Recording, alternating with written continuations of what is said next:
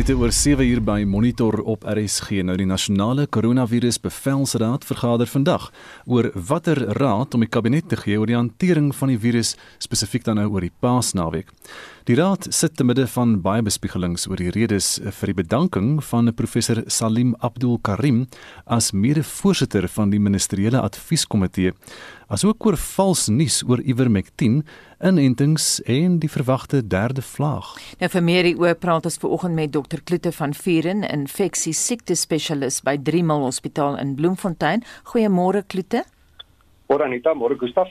En dan praat ons ook met Dr. Angelique Kutse, voorsitter van die Suid-Afrikaanse Mediese Vereniging. Môre Angelique. Môre Anita, môre Klute en ook môre um, vir Gustaf en al die luisteraars daar buite. Nou Suid-Afrika se aantal koronavirusgevalle staan nou op gemiddeld 16000 uh, per dag in vergelyking of liewer 1000 uh, per dag jammer, in vergelyking met 8000 op 20 Desember.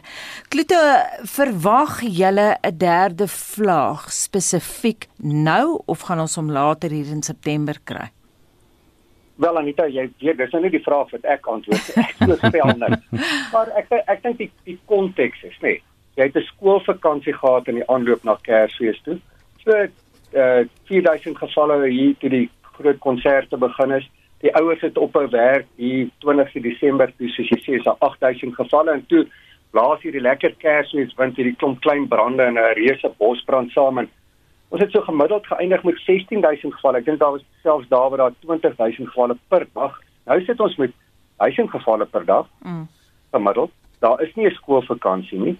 Die ouers werk almal. Jy weet dit gaan 'n beperkte naweek wees. Ek kan nie dink daar gaan definitief meer gevalle wees na die Paasnaweek, maar nie tot die omvang wat ons gesien het met Kersfees nie. Ek dink ons een groot probleem is die uh ZCC se byeenkoms by Moria oor Paasfees. Jy weet uh in die verlede uh, in die goeie ou dae as ek dit so kan noem is daar tussen 3 en 5 miljoen mense op 'n naweek daar gewees. En dit kan 'n probleem skep en ek wonder of dit nie hulle grootste bekommer is nie en dan natuurlik ander kerke wat groot binnenshuise byeenkomste hou. Maar ek ek dink dis waar die kommer lê. Angelique, hoe voel jy oor hierdie moontlike derde vlaag? Ek meen ek en Anita praat nou net daaroor ons sien selfs net voor die Paasfees is is daar mense plekke wat volgepak is en mense naby aan mekaar. Jong, um, ek is geneig om met Kloete heeltemal saam te stem. Ehm um, kyk, ons verwag dat daar verseker 'n derde vlaag gaan kom. Die vraag is wanneer? Ehm um, as ons kyk na die die die die, die paasnaweek wat nou vir ons voorlê en ons kyk na die metodes van vervoer wat hierdie mense van gebruik maak, gewoonlik openbare vervoer, publieke um, vervoer, ehm um, veral om die met busse en taksies en goed wat ons en, en dan mense wat karre oorvol laai um, om dan na hulle bestemming toe te gaan, het sy dit nou Morias of waar ook al en dan um, sien ons ook dat hulle dan nou gewoonlik tussen provinsies beweeg. En um, en soos wat dit reg sê, ons het net een of twee superverspreiders nodig om dan um, ons verder in chaos te dompel so 2 of 3 weke na Moria of na die Paasnaweek. Um, ons is nie te sê dat Moria die enigste um, probleem gaan wees nie. Ook bietjie kommerwekkend, die skole gaan wel sluit een van die dae. Is na die Paasnaweek gaan die skole sluit. Ehm um, ek is nie presies seker wat die datum is nie en dan beweeg ons dan in ons wintermaande. En daar's alreeds 'n buite in die oggend in die lug wat dan vir kinders wat dan vroeg in die oggend na kleuterskool gaan, alreeds lugweginfeksies sien. Ons sien ook dat ons toename dat daar toename in gewone lugweginfeksies is. Kommerwekkend dat die griepspuite nog nie beskikbaar is vir die algemene publiek die private sektor daar buite nie. So al hierdie klein goedjies gaan so gaan so um, oppak en dit gaan ons waarskynlik ergens byt vorentoe of dit direk na die paasnaweek is ek twyfel. Mm um, ek dink ons ons gaan so tyd wag vir verdere verhoging weer is. Angelique, daar's probleme met jou foonlyn daar. Ek weet nie of jy rond beweeg nie. Probeer net op een plek stil staan. Ek wil bly by jou. Daar's baie gerugte dat professor Salim Abdul Karim koppe gestamp het met die regering oor die pad vorentoe. Weet jy hoekom hy so skielik bedank het?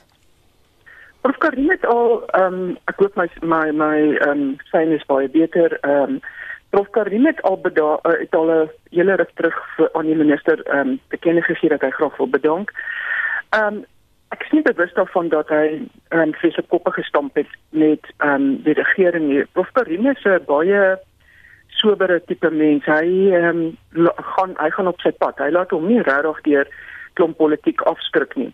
Maar wat ek wel weet is dat sy sy tyd baie beperk geword het vir dit wat hy eintlik elke dag doen.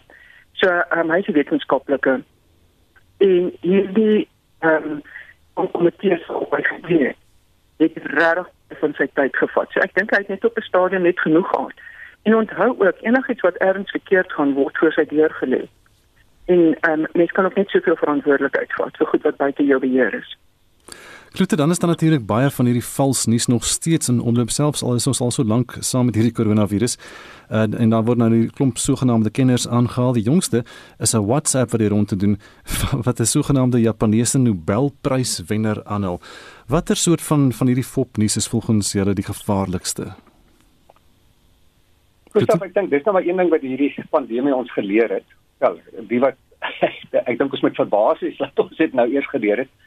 Is maar met die toegang tot inligting deur sosiale media, uh word goed versprei teen 'n verstommende snelheid, nê. Nee.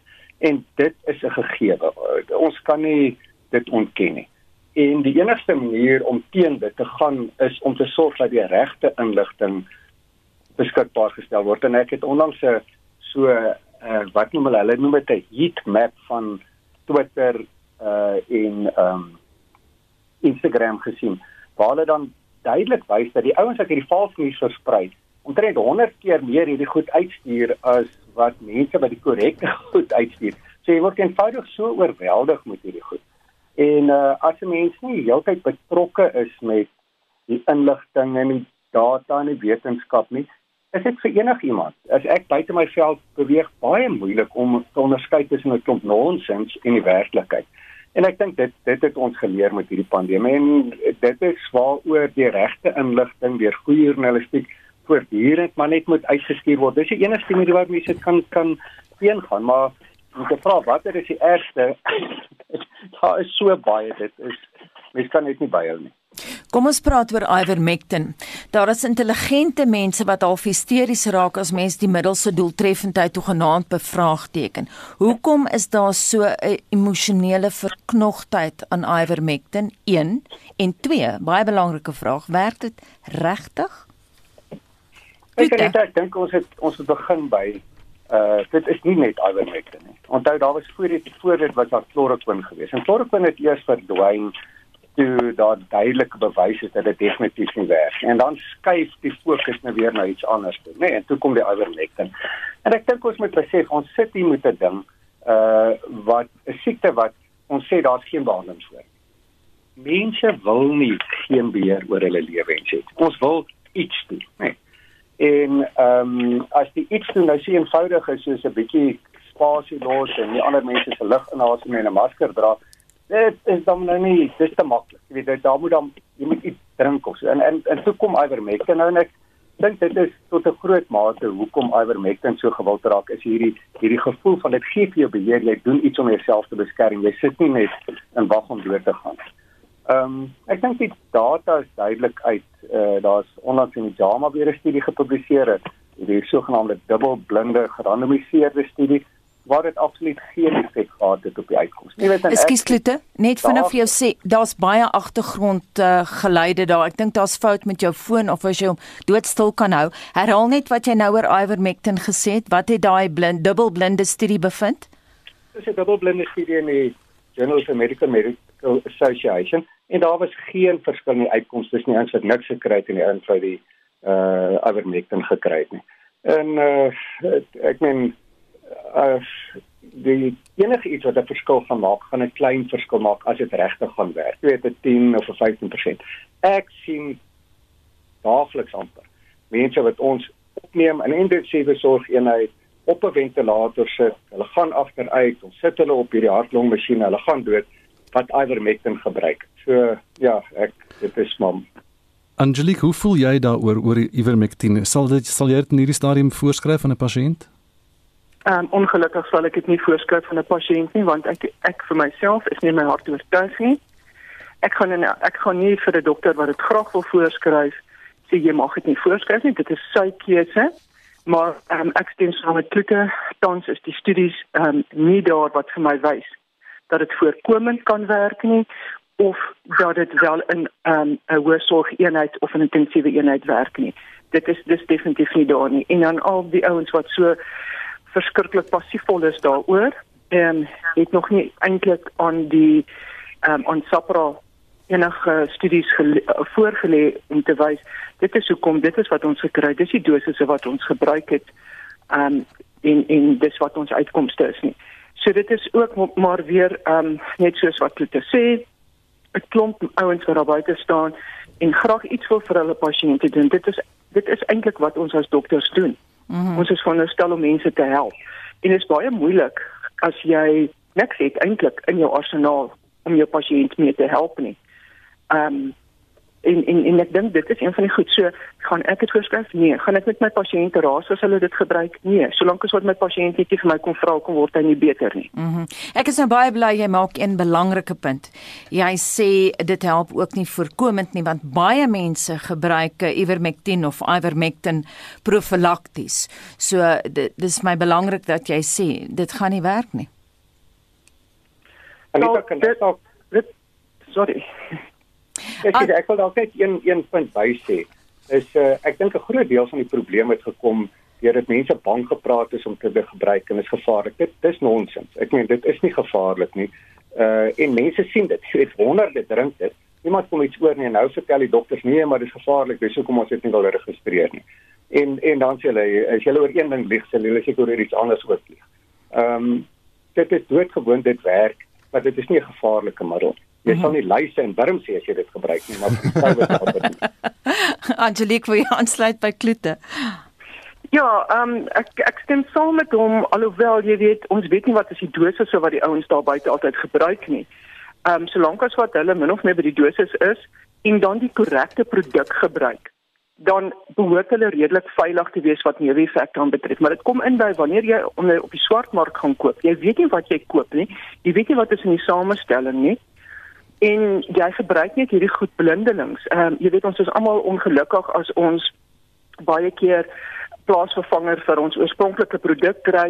Ehm um, en dan sê die apteker ja, maar die oorspronklike produk is net so goed soos die produk wat jy nou kry of die die, die produk wat jy nou kry, die generiese produk is net so goed soos die oorspronklike produk en ons weet almal dit is nie altyd so nie en ehm um, en dan um, dan is hulle baie baie ongelukkig daaroor maar om een of ander rede gee die mense skynbaar nie om om enige ivermectin wat waarop hulle hulle hande kan lê te gebruik nie hmm. Dit is nou so net so 'n jaar later na die eerste inperking en ek het ons die by monitor ook in die inperking ingegaan en maar so elke dag geleer oor waaroor hierdie koronavirus gaan en elke dag so 'n bietjie meer saam met die mense geleer. Kloete, wat het wat het jy alles die afgelope jaar geleer? Is daar dinge wat jy dink nou terugdink 'n jaar terug wat bietjie belaglik was daar 12 maande gelede? En ek Gustaf, ons kan 'n boek skryf daaroor. Een ons sal nooit wegkom van volknuus af nie. Elke ou wat 'n uh toegang het tot me sosiale media het 'n megafoon in sy hand. Uh, ek dink die tweede ding is net die mensdom is geweldig aanpasbaar en innoverend. Jy weet, op tegnologiese vlak, die mediese wetenskap as ons sien wat het gebeur, dit maar selfs in ons persoonlike lewens so ons aanpas by hierdie ding. Die hele wêreld is ineengeskakel, is 'n fabriek in China op om iets te vervaardig of 'n windwaai boot in die Suezkanaal skeef, dan kan ons nie koffie in Suid-Afrika nie.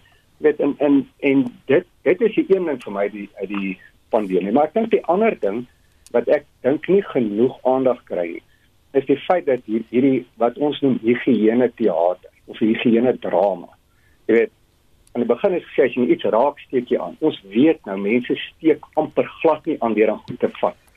So geboue word onderruim en ons smet self skole nadat hulle hele vakansie leeg gestaan. Dis 'n klomp nonsens. Jy asem die virus in. So jy is in 'n plek waar daar nie genoeg ventilasie is nie en dis hier dan aansteek En net interessantheid sal weet ek ons praat van uh, om die lug genoeg te suiwer of te verdun, moet jy die volume lug in 'n vertrek 6 keer elke uur vervang. Ons praat van 6 lugreidings per uur. Dan verdun jy dit genoeg dat jy nie sal aansteek binne in huis nie. Ek Gustav, ek gee jou 'n raai as jy buite in die buitelug staan en daar waai 5 km per uur lug hier. Hoeveel lugreidings kry jy? 1056. Die punt is in die buitelug is daar geen risiko. Hmm. As ons mense krimp buite te sosialiseer en binne in sy huis hulle tyd te beperk, nie 'n klomp mense bymekaar, hulle maskers te dra, dan gaan ons 'n ver end kom. Maar hierdie onsinnige goed om om uh strande te wil sluit en te dink jy gaan iets maak. Sê vir die mense, ons wil nie julle moet weer restaurante toe gaan nie. Dis hoekom ons die strande verbied. Hmm. Maar mense moet onsinnige goed kom en dan verwag mense moet die ander goed ook nakom. Hmm. Angelique, hoe voel jy daaroor?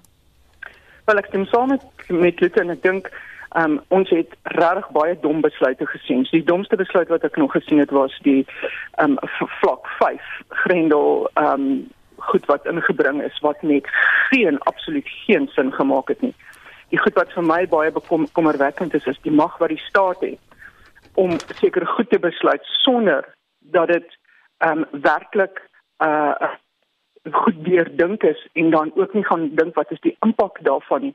Jy weet dit is nou alles goed wel om om om 'n plek te te maak, maar op die einde dag daar nie kos nie. Daar is nie daar is mense wat nie werk um, wat werk verloor.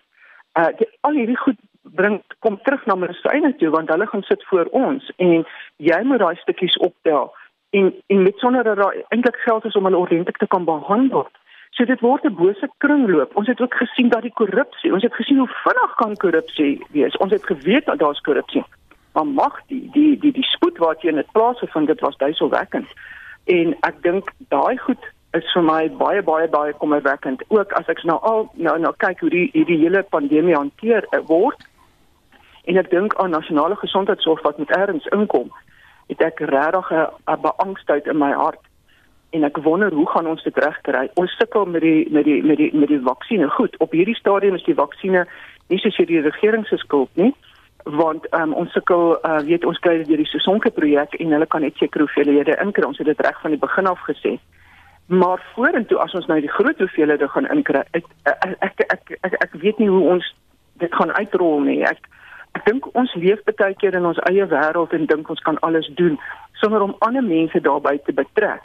So as hierdie nie 'n hele nasie bouding word nie, ja. gaan ons nêrens kom nie. Angelique baie dankie, dis 'n interessante gesprek. Ons gaan definitief nog verder daaroor praat en meer praat oor die inentings dan nog later op monitor. Volgende gesels met Dr. Dr. Klute van Viernes en infeksie siekte spesialist by Drie Militêre Hospitaal in Bloemfontein en Dr. Angelique Kutse, voorsitter van die Suid-Afrikaanse Mediese Vereniging. Terug na een van ons hoofstories, sowat uh, soveel as 60 mense word vermis na die dodelike internasionale insypelaars aanval op die Amarula Lodge in Palma, Cabo Delgado in Mosambiek. Suid-Afrika oorweeg dit nou om militêre magte na Mosambiek te stuur as deel van 'n reddingsoperasie om burgerlikes te red wat in Palma vasgekeer is. Esie de Klerk het die besonderhede. Die burgerlikes sluit in internasionale werknemers van Suid-Afrika, Brittanje en Frankryk. Die bestuurshoof van die sekuriteitmaatskappy, die Dyke Advisory Group, afgetrede kolonel Lionel Dyke, sê die maatskappy het in sy reddingspoging reeds meer as 120 mense na veiligheid gebring sedert die aanval. Dyke sê die 120 mense sluit oorledenes in. So the area is still quite chaotic and we are trying to coordinate our own efforts. Are now efforts on the ground that we're aware of at this time. Rescued 120 people from various places where they've run away and hidden in some of the camps. We picked them up and moved them to Afungi. We also escort people as they run away because we can't pick up too many in our helicopters. We help them to get to a safe place where they can move again into Afungi.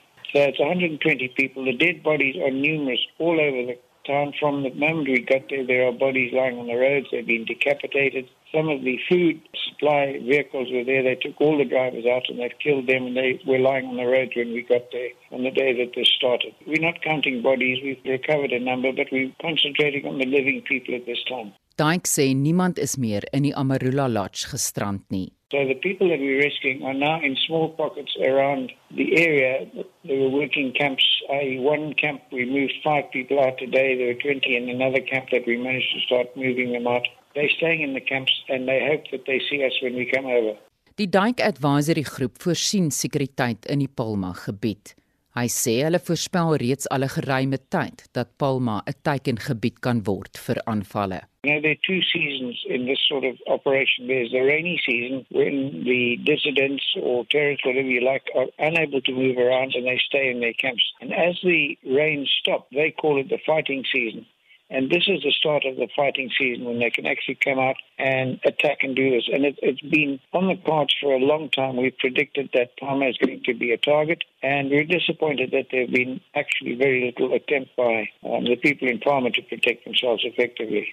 Nike sê die helikopters wat sy maatskappy gewoonlik gebruik is nie geskik om tientalle mense te vervoer nie en dit is wat in die reddingsoperasie benodig word. My helicopters are fighting helicopters. They're gunships. They can take, the actual gunships can take two or three people. We've got some search and rescue helicopters where we can squeeze, squeeze four in. We actually need some Mi-8 type helicopters or even one where we can go in and land and pick up a lot of people. When that helicopter lands on the ground, it's quite safe because my gunships circle overhead. Anything on the ground that happens in daylight, we can secure. The dissidents will not affect any operation on the ground because we can deal with them from the air and we do very effectively. But what I need now, or what I'd like to see, is some big helicopters coming so that we can go find these people who are hiding and take them out in their numbers, not just in twos and threes. Dyk sê die Mosambiekse weermag beweeg rond in die gebied en sal na verwagting soektogte begin na die ISIS verwante militante. Ek is Estie de Klerk vir SAK nuus. Estie lyk ons terugvoer.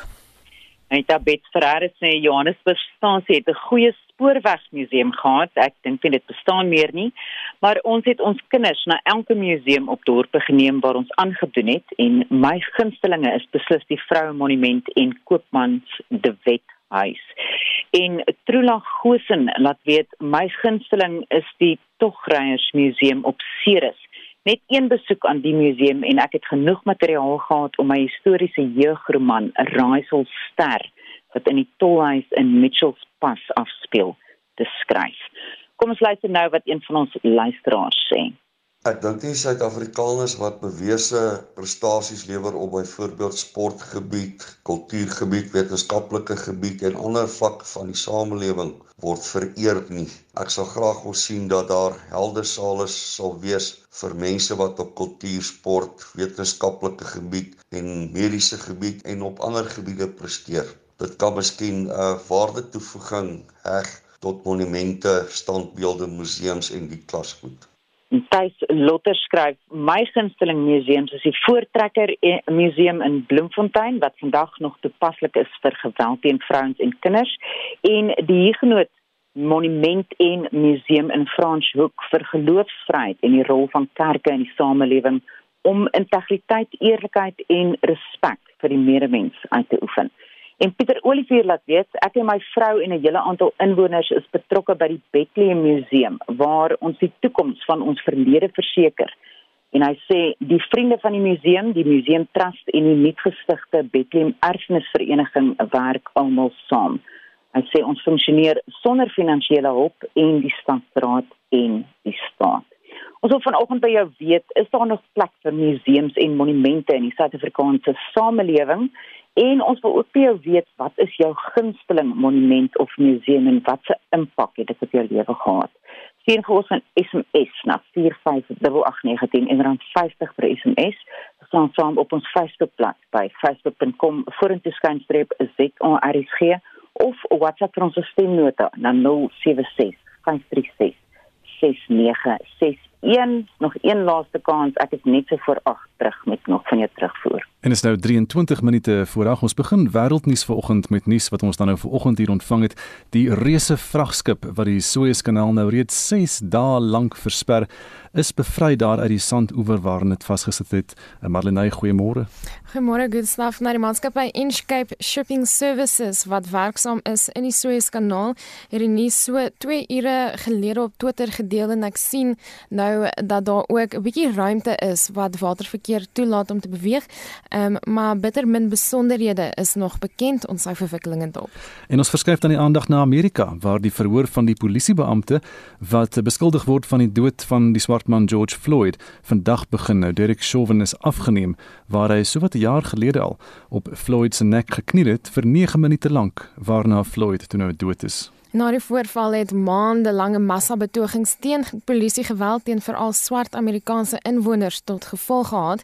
Veiligheidsmagte is ontplooi na die hof waar die verhoor plaasvind en die hof is ook omheind met doringdraad na verskeie betogings vir geregtigheid om te geskied is gehou in aanloop tot vandag se gebeure.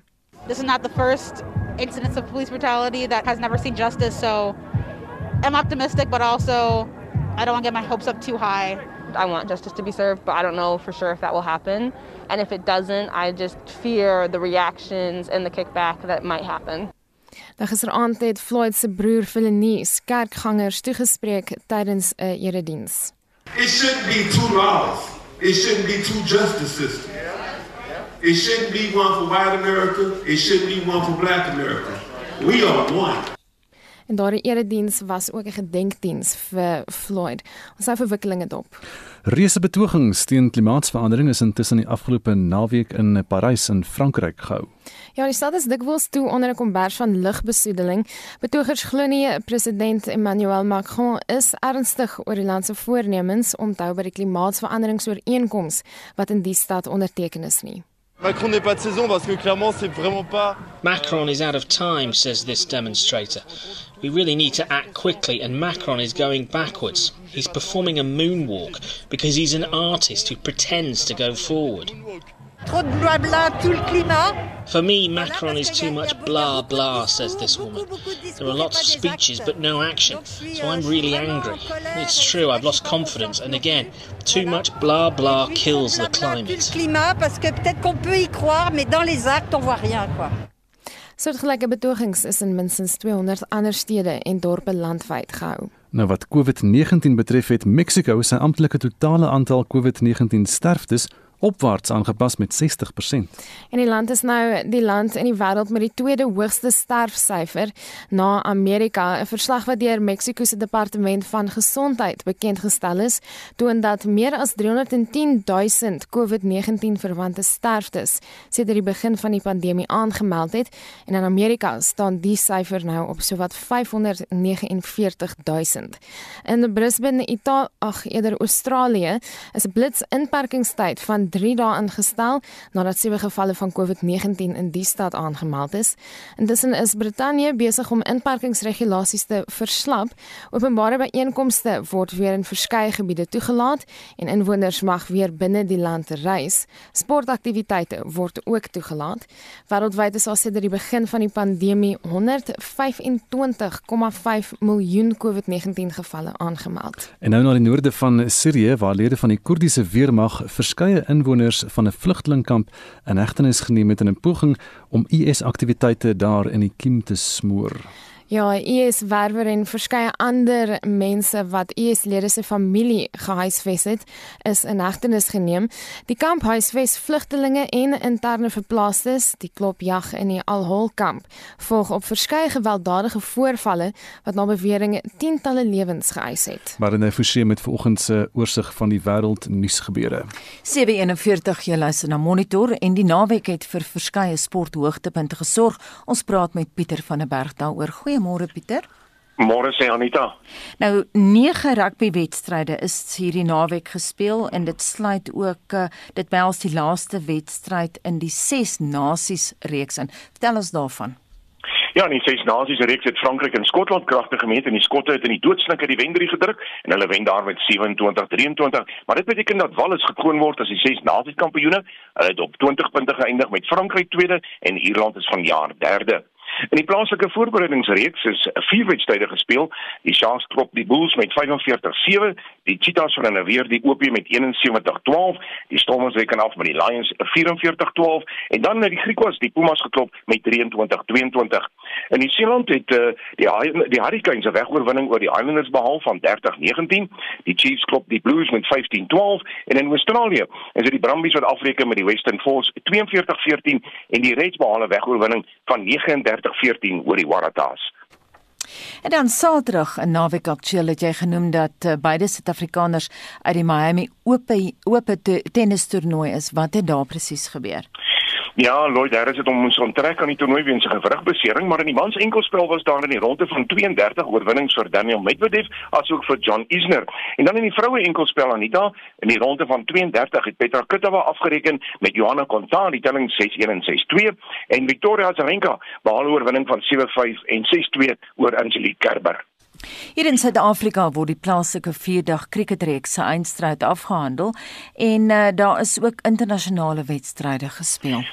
Ja, en Durban is dit die Titans wat in die moeilikheid is teen die Dolphins. Die Titans is op 92 vir die verlies van 4 balkies. Dis in hulle opvolgbeurt en hulle benodig nog op die laaste dag 150 lopies om te verseker dat die Dolphins weer moet kolf. En dan die eerste T20 in St Hamilton afgehandel. Die Seeland top daan vir Bangladesh met 66 lopies. En Indië en Engeland se derde en laaste eendagwedstryd is gister gespeel en is Indië wat met 7 lopies wen en daarmee wen hulle die reeks met 2-1. Kom ons praat 'n bietjie golf. Verskeie toernooie is die naweek afgehandel en dit behels ook 'n vroue toernooi. Ja, op die plaaslike front is die sonskynreeks se Serengeti uitnodigingstoernooi deur Jaco Prinsloo gewen op 1500 syfer, twee oue beter as Jaco Allers se 1300. En in die Europese reeks is dit die Savannah uh, die Savannah Classic in Kenia waar deur Dan Daniel van Tonner ingepalm is en dit is sy eerste Europese titel. En in die VSA by die Wêreldpuitjiespel Kampioenskap is Dylan Fritelli en Erik van Rooyen uh, beide in die ronde van 16 uitgeskakel. Nou Billy Horschel hy is as kampioen gekroon nadat hy vir Scottie Scheffler in die eindstryd met 2 en 1 geklop het. En dan in vroue golf is die Kia Classic wat in Kalifornië afgehandel is. Dis uh, Koreaanse Inbi Park wat 7 met 5 houe, sy was op 1400 syfer. Ashley Boy van Suid-Afrika, sy was gesamentlik 33ste op 100. En dan vir eerste keer in 'n baie lang tyd was daar weer aksie op die renbaan. Formule 1 sowel as MotoGP wedrenne is gejaag. Watter renjaars maak hulle stem vroeg in die seisoen reeds te?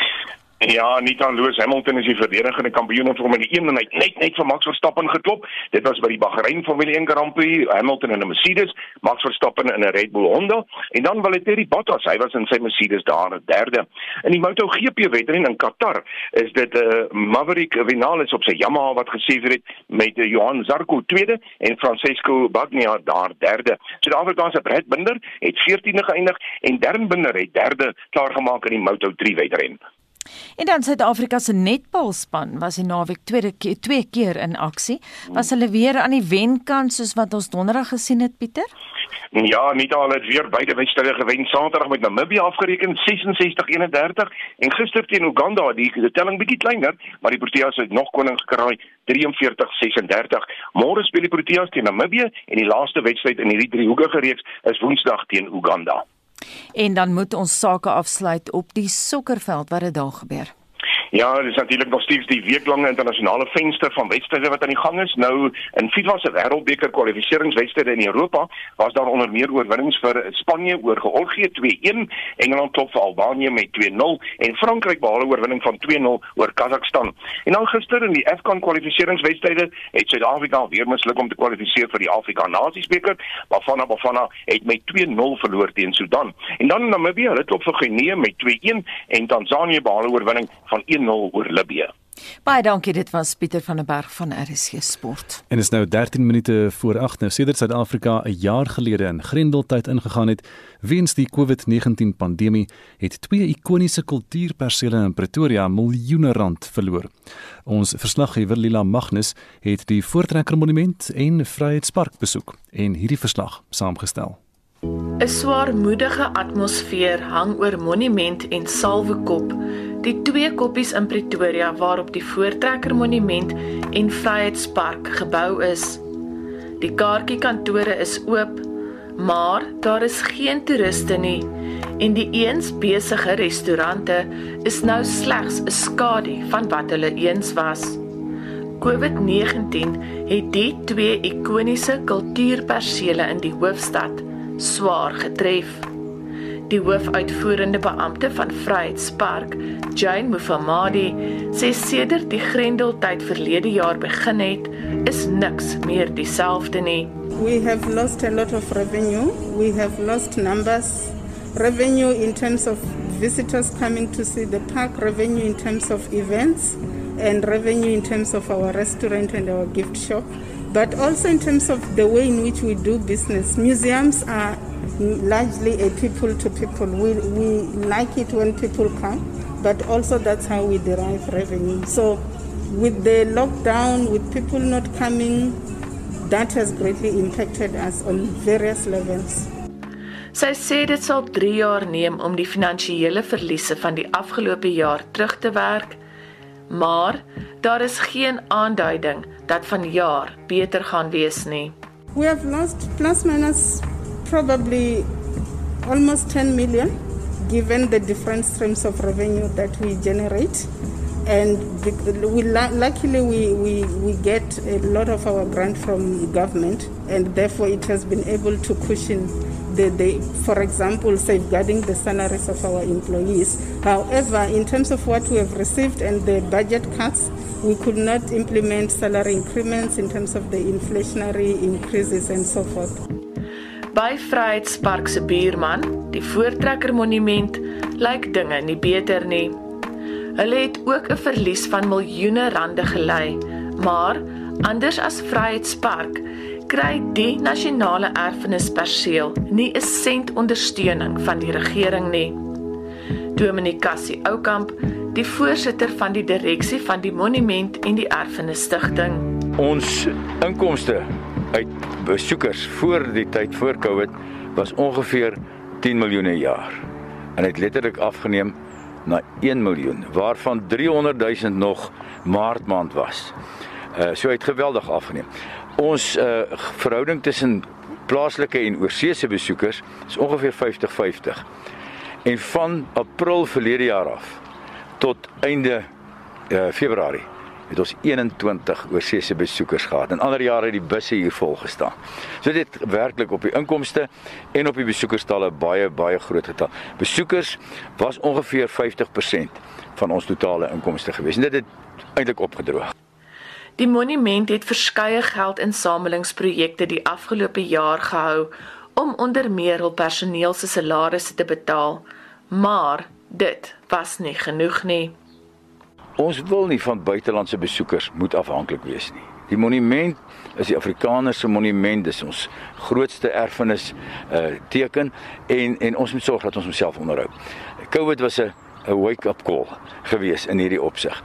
Wat ons wel nou doen is 'n samewerking tussen die FAK, die monument en die erfenisstigting. Die FAK is hier op die terrein en deur die samewerking word die lynfunksies belyn sodat die personeel op alderi kan werk. Die vakkundige potensieel bemarking finansiëel. So daai het ons 'n groot besparing reeds.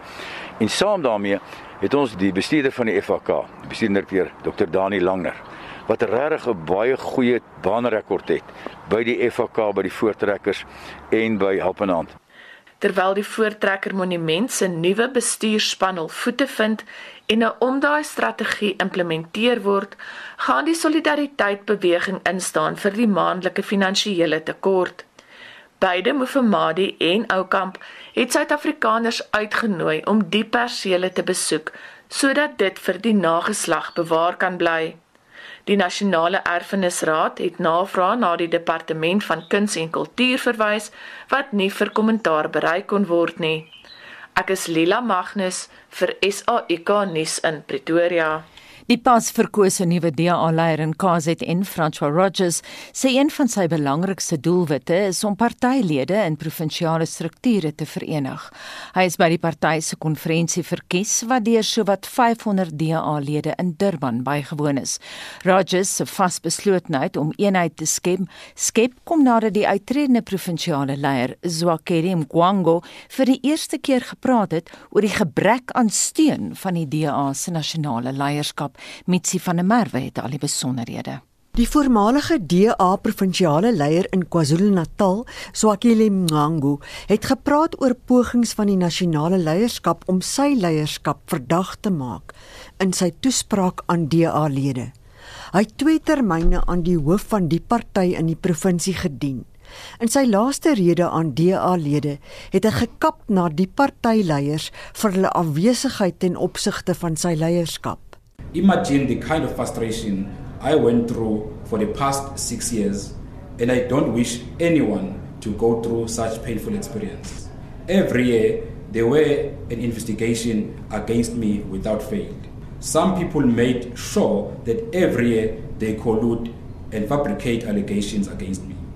I never had a privilege to enjoy support from national leadership like other provincial leaders, but I kept going and strong.